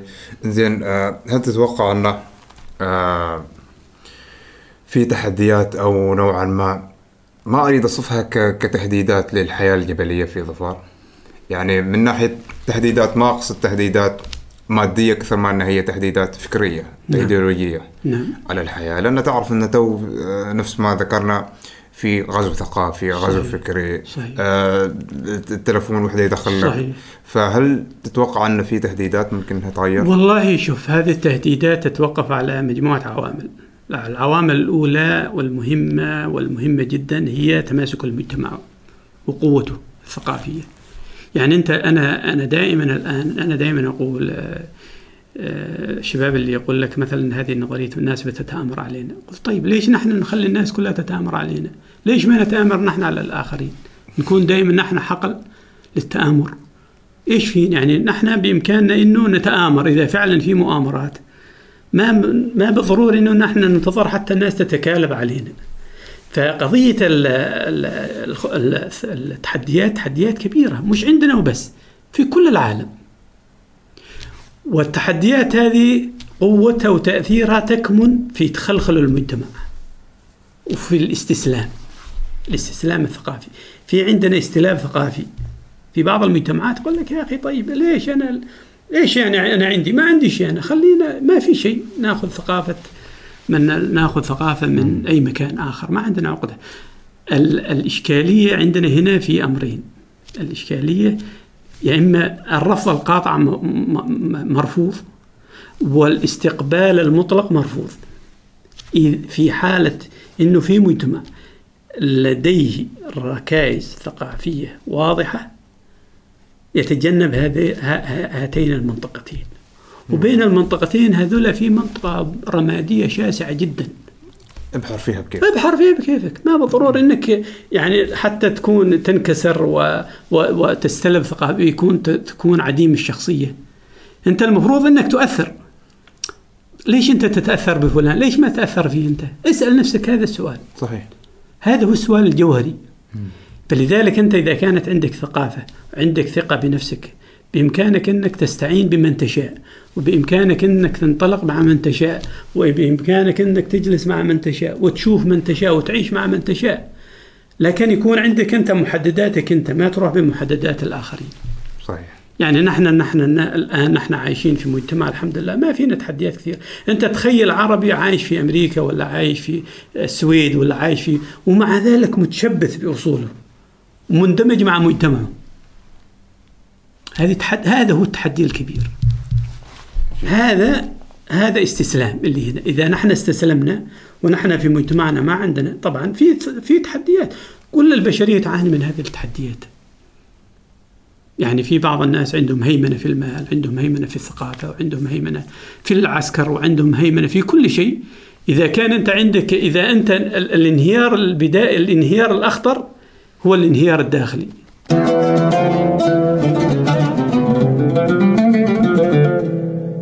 أستاذ أحمد من قراءتك ل وبحكم إنك أنت معظم حياتك عشتها هنا في ظفار أو كل حياتك كلها تقريبا تقريبا كل حياتك فترات تقريباً؟ الدراسة البسيطة نعم مهم. آه إيش إيش الفرق بين الحياة الجبلية والحياة السهلية من قراءتك؟ والله تقريبا شوف نحن كمجتمع أنا أي مجتمع تقريبا عربي أروح اليه ما في خلاف كبير. آه ربما بالنسبة لنا نحن هنا قضية اللغة. قضية اللغة يعني أنت الآن لما تطلع من المدينة و- آه، تقريبا ما تسمع إلا جبالي. كل حتى أنا في بيتي أنا الآن لما أجي إلى البيت وهكذا مناقشاتنا كلها باللغة هذه. فما في بالنسبة لقضية الأمور الأخرى قضية العادات والتقاليد ترى كلها متشابهة بشكل كبير. يعني المجتمعات بالعكس نحن الفترة الحالية آه، صار عندنا تداخل أكثر من السابق. بحكم طبعا أنت عارف الهجرة الداخلية. الهجرة الداخلية هذه أثرت على ما بالضروره تكون خلخلت لكن أثرت أصبحنا أكثر اندماجا من ذي قبل. طبعا طبعا طبعا. يعني أنت الآن تخيل مسقط كم تحوي من أصحاب المناطق. ربما قبل يمكن قبل قبل سبعين سنة اللي في الباطنة ما يفهموا اللي في مسقط ولا يفهموا اللي في نزوة. يعني نحن الشيبان اللي عندنا هنا الناس اللي يجوا مع السلطان سعيد بعضهم ما يفهموهم. اللهجة لهجة أهل نزوة ولا لهجة الداخلية ولا لهجة ال... ولا لهجة أصحاب شو اسمه الباطنة ما يفهموهم أبدا. حتى عندنا في عندنا في صلال هنا لهجات حتى في العربية فيها لهجات زمان الناس الآن الحياة الآن صار عندنا كثير من الاندماجات وصار عندنا كثير من التواصلات وصار عندنا تقريبا كثير من ال- ال- ال- العراقيل أو مثل ما تقول الحواجز اللي كانت موجودة اختفت أو أوشكت أن تختفي بشكل كامل. فما عاد في هذاك التغيير اللي بشكل كبير يعني. اللبس هو اللبس. يعني طبعا. كان يعني كنا نحن اللبس هذا ما نلبسه. صحيح. يعني أنا دخلت المدرسة يمكن آه، في 73 74 ما ما نذكر ما أذكر بالضبط. وكان نلبس الوزار وقميص. واللبس إذا طلعنا من المدرسة هذه كان الدشداشة هذه كان ما نقدر نلبسها ولا نقدر نلبس نعال. وصلنا إلى الصف السابع والثامن وما نقدر نلبس نعال. ولا ن- الكوافي هذه ما نعرفها. ولا نعرف فال- لأنه حياتك هكذا. نمط الحياة صحيح. نمط الحياة نمط الحياة تغير الآن. أصبح النمط هو هو. يعني لبسك في الجبل الآن نفس اللبس هذا تقريبا. نفسه في مسقط نفس ونفسه- نفس مسقط نفس في في في باركا ونفسه في في في هيمة ونفسه في آه، أدم ونفسه في عبري وكل مناطق السلطنة نفس اللباس ونفس نفس ال- الأكل تقريبا هو هو. طبعا. العصيدة والسمن والمعجين وهذه الأشياء اللي كانت هذه حتى أنتم مثلا عندكم هناك قضية الشواء وهذه مناسبات صارت. إيه طبعا فقط. طبعا طبعا ف- لكن يعني ثقافتنا صارت خلط. يعني المجتمعات المجتمعات أخذت من بعضها. مش من الداخل وبس حتى من خارج. يعني كثير من الأشياء اللي عندنا. يعني صار بعض الناس عندنا بيأكل على طاولات. إيه طبعا طبعا طبعا. هذه والشوكة والسكين. أكيد أكيد. هذه تغيرات ولا ما تغيرات؟ تغيرات كبيرة. تغيرات كبيرة جدا. بيت ما أدري إيش يسموها حتى الأسماء الحين أسماء الطعام وهذا. ال- فالشاهد من كلامنا كذا على أساس نحجي الكلام أو نجمع الكلام إنه العادات الآن والتقاليد وطريقة الحياة وأساليب الحياة صارت متقاربة إلى درجة كبيرة جدا إلى درجة كبيرة. حتى قضية المساكن. مساكن. الآن الناس عايشة الحمد لله في بيوت وهناك عايشة في بيوت. وهذا ويش قصدك بالهجرة الداخلية؟ هل هي العمل لا والزواجات؟ لا لا, لا ولا- الهجرة الداخلية؟ طبعا هي الهجرة معروفة في هج... أنواع الهجرة هجرتين. هجرة خارجية تخرج خارج الوطن أيوة. والهجرة الداخلية ت... تنزح من مدينة إلى مدينة أو من بيئة إلى بيئة. فنحن الآن يعني نحن الهجرة الأكبر كانت في بداية السبعينات أيام حرب ظفار. يمكن هذا الكلام أنتم الشباب ما تعرفوه. فنزحوا نزحت مجموعات كبيرة من أسر الجبل والبادية إلى صلالة أو إلى طاقة أو إلى مرباط إلى المدن. نتيجة الحرب ونتيجة ال و... واستقروا بعض الأسر. بقت مثلنا أنا نحن استقرينا من هذيك الفترة ما طلعنا بعضهم رجعوا. تمام؟ فالهجرة الداخلية هذه هي صارت عندنا الآن الهجرة آه، إلى الحواضر. يعني مسقط الآن من كل مناطق السلطنة عايشين. هذه هجرة داخلية. طبعا طبعا. هذا يخلق عندك تقارب يخلق عندك تتشابك عندك العادات وأساليب الحياة والهذا. واللغة أيضا. واللغة أيضا. طبعا. اللغة أيضا. لغة شيء طبيعي. بس أريد أشير لنقطه مهمة بالنسبة لقضية اللغة. يعني قبل السبعين طبعا السبعين هذا بالنسبة لنا نحن في عمان عام مفصلي. في كل شيء. أكيد أكيد.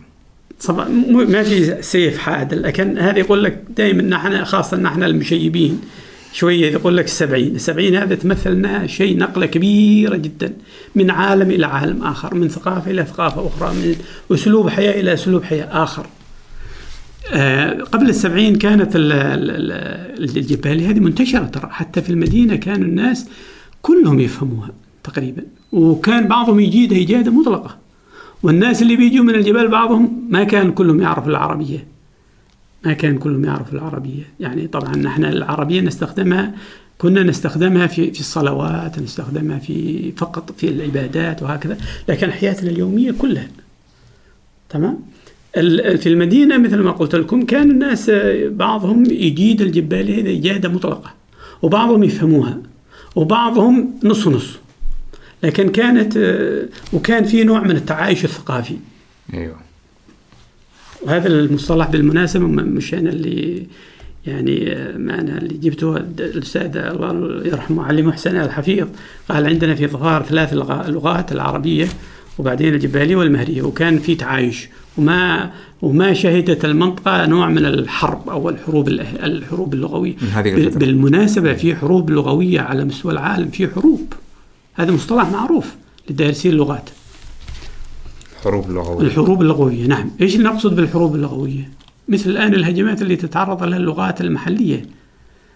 يعني مثلا في جنوب أفريقيا على سبيل المثال حدثت حرب لغوية شنيعة جدا وبيدت اللغات المحلية كلها في أفريقيا وفي آسيا وفي ربما تكون هذه في بعض الحروب حروب مسيئة يعني حروب مقصودة بذاتها ومخطط لها ومدعمة أو مدعومة من الدول. وفي بعضها تجي تلقائيا. التلقائية هذه جت مع العربية. العربية قضت على مجموعة كبيرة من اللغات المحلية بس ما كان ما ما في طبعا السلطات اللي كانت موجودة القائمة ما استخدمت آه، سلطاتها أو فرضت اللغة هذه على ال- المناطق المفتوحة. جت بشكل تلقائي. يعني في اليمن وعندنا هنا وفي مجموعة كبيرة من المناطق. في الشام وفي مصر وفي يعني استوطنت اللغة العربية وهيمنت وقضت على اللغات اللي كانت موجودة في هذه المناطق. وأيضا في شمال أفريقيا وكثير من الدول اللي انتشر فيها الإسلام. بعكس الاستعمار الغربي. الاستعمار الغربي مثلا الفرنسيين. أجبروا الناس يتكلموا الفرنساوية. إجبار. أكيد. وفرضوا لغتهم ولا فرضوا ثقافتهم بعكس بعضهم فرضوا دينهم بالقوة حتى. والآن موجودة هذه ولا. زالت موجودة صحيح. الآثار هذه موجودة. موجودة وموثقة أيضا. موثقة في كتبهم موثقة في في أبجدياتهم موثوقة موثقة في كتبهم وكل شيء. هذه أشياء موجودة. فالحرب اللغوية والثقافية هذه موجودة بشكل من منذ الأزل وبتستمر حتى يرث الله الأرض ومن عليه اذا بننتقل للمحور الأخير اللي هو المحور. السياسي نوعا ما بن نحط قراءة للظروف اللي تمر بها المنطقة خصوصا إذا بغينا نخصصها على حرب اليمن واللي يصير فيها يعني كسؤال يطرح نفسه بقوة هل تعتقد أن هذه الحرب أخذت أكثر من وقتها؟ أولا بالنسبة للسياسة نحن عادة آه، يعني السياسة عادة آه، ما نتكلم فيها بشكل كبير فلذلك نحن متخلفين فيها بشكل كبير جدا. كل الناس الآن تتكلم سياسة والمفروض من اللي يتكلم في السياسة؟ السياسيين. ويكون عندنا سياسيين محترفين صح. لكن نحن اختلط عندنا الحابل بالنابل. قراءة يعني نحن مثل ما هو برنامجكم جلسة الجلسة عادة نتناول الناس يتكلم. أنا رجل ما عندي شيء في السياسة ربما أكتب بعض المرات يعني خواطر أو تغريدات في على تويتر وهكذا. قراءتي للمشهد السياسي في المنطقة أنه نحن بنمر بأسوأ مرحلة ربما منذ استقلال الدول العربية كوطن عربي بشكل عام. أصبحنا نعيش في ضباب دام مش ضباب بقدر ما هو ظلام دامس. يعني اختلطت اختلط علينا الحابل بالنابل وأصبح الحليم في هذه المرحلة حيران. يعني أنت الآن لما آه، ترى الصراعات العربية العربية فاقت على كل شيء. قضت على علاقات الشعوب ببعضها يعني عندك الأزمة الخليجية أنا أسمي هذه الأزمة هذه أزمة مفتعلة مية في المية بإمكان نحن يعني نحن كعرب أولا. ونحن كخليجيين نحن جسم واحد. كم خلافات نشبت بين الدول دول الخليج ويستطيعوا ثلاثة أربعة أشخاص يجلسوا مع بعض؟ الكبار مثلا سلاطيننا وملوكنا وأمرانا يجلسوا في جلسة. يقول لك حتى صارت عندهم صارت عندهم شيء يقول لك حبة خشب. يجلسوا مع بعض وانتهت السالفة. طيب إيش اللي يكبر القضية هذه قضية تجلس ست سنوات. تجلس ست سنوات قضية الخلافة. ثلاث سنوات ما مش حرب اليمن الأزمة الخليجية. في الأجندات اللي ظهرت أنا من وجهة تحليلي أنا الشخصي إنه الأجندات اللي ظهرت في قضية التطبيع وقضية الخلال هذه كلها هذه افتعلت الأزمة لهذه حتى تتخلخل المواقف العربية المواقف الخليجية. ويصبح كل حد له وجهة نظر وكل حد له سياسة خارجية وكل حد له يعني استقلالية في اتخاذ القرار وما ما ما ترتبط بأي عهد ولا ميثاق. تنطلق إطار التطبيع ويعني بالعقل يعني إذا عندنا شوية عقل هل من من الحكمة ومن الرزانة ومن السياسة أن تخاصم أخوك وتمد يدك لصديقك؟ أبدا لا. سؤال بسيط جدا. اثنين ما هي الأسباب الحقيقية لهذه الأزمة؟ إيش الأسباب الحقيقية؟ كلمة قالها ناس كل يوم بتتكلم يكون صح ولا غلط. دول ما استطاعت أن تحتوي هذه يعني كلمة قالها فلان من الناس. إيش عادة تحتوي؟ هذول اليهود قتلوك قتلوا أخوانك استطعت أنك تجلس معهم وبتضحك بتمد يدك لهم صبح الصب صباحا ومساء. وتلتمس لهم الأعذار لجرائمهم. تلتمس لهم الأعذار لاحتلالهم لأرض أخوانك وأرضك. لكن أخوك كلم كلمة أو خطأ خطأ ما تتحمله. هذه أحد الأشياء الخطيرة جدا. الشيء الآخر بالنسبة للقضية اليمنية. القضية اليمنية أنا أسميها حرب عبثية. بكل ما تحمل الكلمة. وكل الج... كل الأطراف تتحمل مصيبتها وتتحمل كوارثها وتتحمل آه مآلاتها الداخل والخارج. اليمنيين لو كان عند مرة كتبت تغريدة سبحان الله ولقت إلى حد ما قبول جيد. يعني اليمنيين لو كان عندهم صف موحد أو شبه موحد هل بتوصل أمورهم إلى هذه الدرجة؟ الناس بتبيع فيهم وتشتري لا طبعا. لا. إذا جبتك الداخلية قوية ما حد يقدر لك. يعني شوف الأفغان نحن نضرب الأمثال دائما بالناس.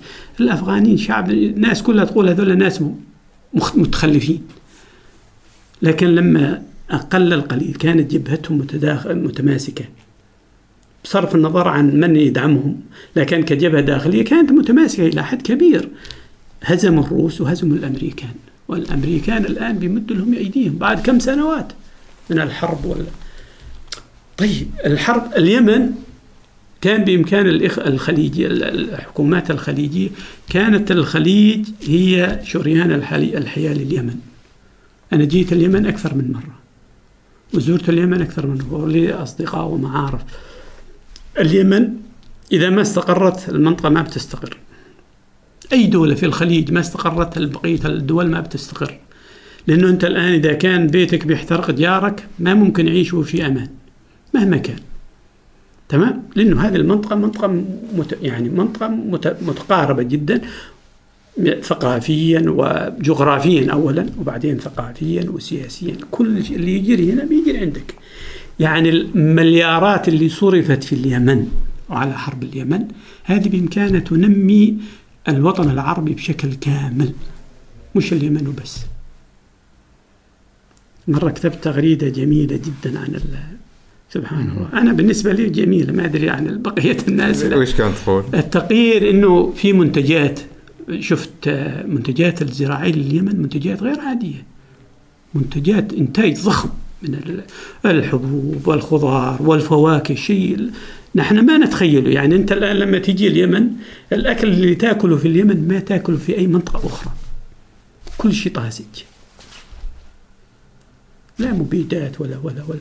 قلت لو إنه لو إن الدول اللي بتحارب اليمن استبدلت الدبابات والصواريخ والمجنزرات والأساطيل والأدوات الحربية بجرارات زراعية استبدلتها بتكون اليمن عايشة يعني تكون سلة غذاء لأهل اليمن ولا نحن؟ بقية دول الخليج وربما بقية دول المنطقة يعني المنطقة العربية. أو أقل القليل. فنحن مشكلتنا الله سبحانه وتعالى أعطانا ثروات وأعطانا مميزات رميناها في البحر. بالضبط. أصبحت لعنة علينا. يعني البترول قبل فترة البترول أنتم ما عيشتوا. أنا يعني جيلي من ضمن الناس صح كنا أطفال وهكذا لكن عشنا مرارة الفقر ومرارة الحرمان ومرارة الضنك. مع أن نحن بالنسبة لي أنا كأسر يعني أسرتنا الحمد لله رب العالمين معروفة وأنه عندنا خير وما أريد أقول هذا الكلام لكن أقول لك مع أنه نحن هكذا لكن الحياة ضنك بكل ما تحمل الكلمة معنى في فترة من الفترات هذا كوب الشاي كوب الماء هذا تشتريه ببقرة ولا تشتريه ربما في فترات القيض وفترات الجو الله نعم علينا صارت صار عندنا كل ما لا يخطر على بال موجود عندنا. أموال بيوت تغيرت حياتنا. طيب ليش إيش داعي لهذه الحروب كلها؟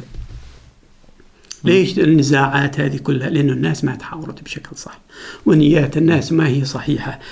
أساليب الحكم أيضا وطرق الحكم في المنطقة العربية أساليب خاطئة جدا. يعني أنت الآن شوف أوروبا والعالم هذا كم صراعات في قبل 100 سنة 200 سنة.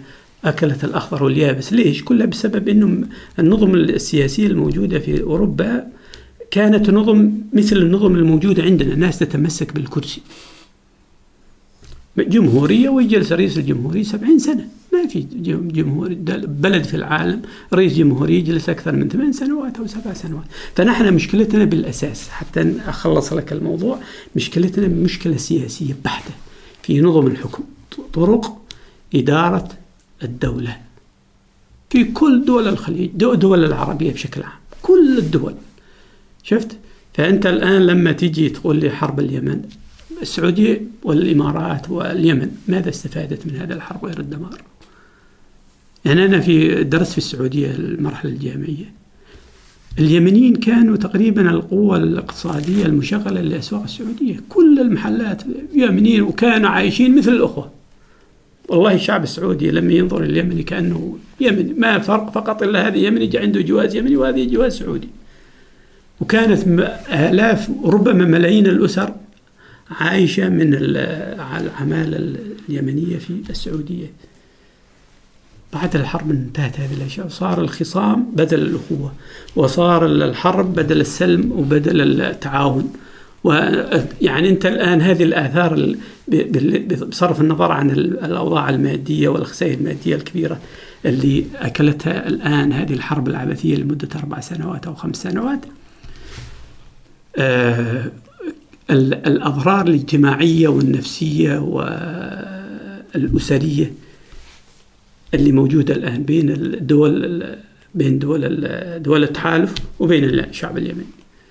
وفي الأخير هذول إخوة ما تقدر اليمن تروح مكان. هذه اليمن هنا والسعودية هنا والإمارات هنا. ونحن هنا كلنا كلنا تقريبا كتلة واحدة. صحيح. فلذلك من الحكمة لو في عاد حكمة والعقلاء سبحان الله صاروا أشح من أي سلعة أخرى في هذا العالم. يعني المفروض أن الناس تلجأ إلى الصلح. وتلجأ إلى الخير وتلجأ إلى الحوار. ورأب الصدع سواء على الوضع الداخلي في اليمن أو الوضع الإقليمي بشكل عام. وهذه المأساة مأساة اليمن آه، مأساة كبيرة بكل ما تحمل الكلمة. معنى وحقيقة الأمر من وجهة نظري وربما الكثير من الناس مسبباتها واهية جدا. يعني أنت الآن تخيل الحرب اللي قامت بين أذربيجان وبين آه بين أذربيجان وأرمينيا. كم استمرت؟ هي هي الحرب بيننا وبين إسرائيل كم استمرت؟ بين الدول العربية. حرب الست أيام شايفينها كثيرة. مشكلتنا نحن لما نتحارب مع بعضنا ما نخلص. لازم أطيحك أطيحك. لازم أبيدك أبيدك. تمام؟ وهذا يعني في لغة الحرب غباء. غباء مطلق. أنت تتحارب بعض المرات على أساس تحط شروطك تقوي شروطك لكن خصمك ما بيروح. ما تقدر أنت شوف السعودية الآن ما تقدر ابدا تخلص تبيد اليمنيين. ما تقدر. اليمن برضو الحوثيين وهذا ما بيقدروا يبيدوا الشعب اليمني ولا يبيدوا السعودية. السعودية عندها مقومات هذه دول والدول ما من السهل إنك إنك تبي فالعقلية العقل يقول لك إيش؟ الحرب في بعض الناس الحرب لأجل الحرب وربما نحن هذا ثقافتنا. لازم أكسرك. الحرب لاجل الحرب. وفي بعض الناس العقلاء يقول لك الحرب لا الحرب ضرورة لتهيئة أرضية معينة للحوار أو فرض شروط أفضل أو شيء من هذا القبيل. فما في حل إلا العقلاء. إذا في باقي عقلاء في هذه المنطقة إنه الناس تجلس مع بعضها ويحاولوا قدر الإمكان إنه انه هذه الحرب. المدمرة التي أكلت الأخضر واليابس. وما حد ترى مستفيد منها إلا تجار السلاح اللي في الداخل والخارج وتجار البلاوي والمشاكل. بس. أمراء الحرب في الداخل يمنين الآن في بعضهم أباطرة أباطرة. أنا عارف بعض الناس يعني شخص صديق وأخ قال لي في اليمن ناس يعني ما في فترة من فترات ما يجودوا عيش عيشهم آه، عشاهم أو غداهم الآن مليونيرات. بسبب الحرب. بالحرب. أسلحة وغيره آه أسلحة كل حد بيشتري حد. كل فريق في اليمن له داعم خارجي. تقريبا. حتى ما نظلم الناس التعميم غلط. لكن حتى نكون منصفين. كل الفصيل في اليمن عنده داعم خارجي. في الخليج وفي إيران وفي روسيا وفي ما أدري وين. فأنت الآن تخيل أنت الآن أنت الآن كشفت ظهرك. العالم. صار كل الناس بيتعبثوا فيك صاروا كل الناس اللي بيتشفوا فيك. كل شخص مثلا يريد هذه المنطقة تدمير دخل في حرب اليمن. شيء مؤسف جدا. جدا, جدا مؤسف جداً. كوارث. ناهيك عن المجاعات والاطفال اللي ما لهم ذنب شوف يعني أنت هل السعودية الآن المليارات اللي صرفتها في حرب اليمن الآن لو لولا هذه كانوا بيصرفوا بي بي بي بيضعوا هذه الآن يعيش المجتمع السعودي بهذا الضنك السعودية يعني يعني أنا قرأت قبل قبل تقريبا شهر إنه دول الخليج الثلاثة الفعالة اللي نحن نشوف إنهم عندهم ثروات ضخمة السعودية والإمارات وقطر. كلها مديونة بالمليارات مديونة بالمليارات. هذا مش كلامي كلام ناس متخصصين. أغلبهم أغلب هذه الديون المديونيات هذه أغلبها لتمويل الحرب. طيب يا عقلاء السعودية كانت كان لها نفوذ قوي في في في, في اليمن. والناس كلها تعرف هذا الكلام. ولها رجالة في اليمن.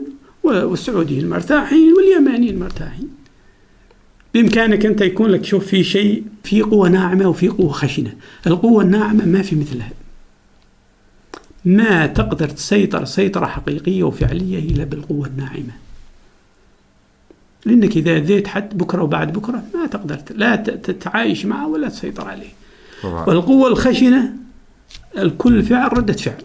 مساوي له في القوة ومعاكس له في الاتجاه. هذه نظرية من يوم خلق الله الأرض ومن عليه وبتقوم الساعة وعادها موجودة. إذا حاربتني أنا ممكن أتصالح معك الآن وهكذا. لكن في نفسي ما في نفسي في نفسي. أكيد فلو استخدمت كانت دول الخليج بشكل كامل عام كانت تستخدم قوتها الناعمة في كل دول العربية. مساعداتها توصل إلى أماكن ما تخطر لنا على بال. وكان ثروات الخليج تعمر الخليج وتعمر الوطن العربي ومش الوطن العربي وبس العالم الآخر. الدول الإسلامية الدول الأفريقية الدول حتى في حتى الكوارث أو الشيء اللي يحدث في أوروبا أو في أمريكا كانت الأموال الخليج تتدفق لأنها أموال خير. لكن لما الجماعة يريدوا يفروا عضلاتهم نحن موجودين. القوة بإمكانك أنك تقوي جبهتك بإمكانك أنت تحقق غاياتك بالقوة الناعمة. مساعدات آه، سياسات حكيمة علاقات صداقات هذه هذه الأشياء. فأنا أتمنى من كل قلبي أنه العقلاء موجودين في كل عصر لكن صوتهم ضعيف وضعيف جدا جدا جدا. افترض كل العقلاء يقولوا كفاية. مثل ما قلت لكم أنا حرب هذه أرمينيا وأذربيجان استمرت فترة بسيطة. مع انه وراها روسيا وتركيا وهذول من الدول القوى الإقليمية الكبيرة وهذه دول عالميه طبعا. تمام؟ طبعا. لكن استطاعوا إنه حسموا الأمور عرفوا إنه ما في ما, ما ممكن حد ينكسر. حتى أبرموا اتفاق ومشت الأمور مثل ما الناس خططت لها بشكل جيد. وتعود الناس إلى حياتها اليومية إنتاجهم و بلا ضغينة، بلا ضغينة بلا- وبلا ضغينة ربما بتستمر لكن يعني لكن ما نفس يوم ثلاث ابدا ابدا كلما استمرت الحرب اكلاتك أكلت الأخضر واليابس الحرب ما منها خير ابدا. فلذلك الله سبحانه وتعالى دائما في القرآن يقول لك يعني دائما يوجه إنه تكون الحرب لضرورة فقط الدفاع عن العرض ال- ال- النفس أو الدفاع عن الأرض أو الدفاع عن العرض أو الدفاع عن المال. أو الدفاع عن الضعيف. الدفاع عن الضعيف. نحن نسينا هذا الكلام. الدول العربية لو يعني لو ذهب وفد من الجا- الجامعة العربية انتهت. الجامعة العربية انتهت. الجامعة العربية انتهت. لو راح أنا أنا أذكر زمان أنتم شباب صغار أذكر زمان كانت وفود إذا حدثت مثل هذه الإشكالات تروح وفود من عمان والجزائر وتروح من من تونس وتروح من المغرب وتروح من السعودية وتروح من الكويت. وفود أساس يصالحوا يصلحوا بينها يعني, يعني هذه الخلافات. هذه هذا هذا هو الصح. أوروبا لما تصير عندك مشكلة بين دولة ودولتين طوارئ تكون. ما يجيشوا يوقفوا مع هذا ويشتروا هذا ولا. لا يحاولوا قدر الإمكان إنه يف يعني يجبروا الخلاف وما يوسعوا شق يلملموا يلموا الأمور بشكل كامل. ممتاز.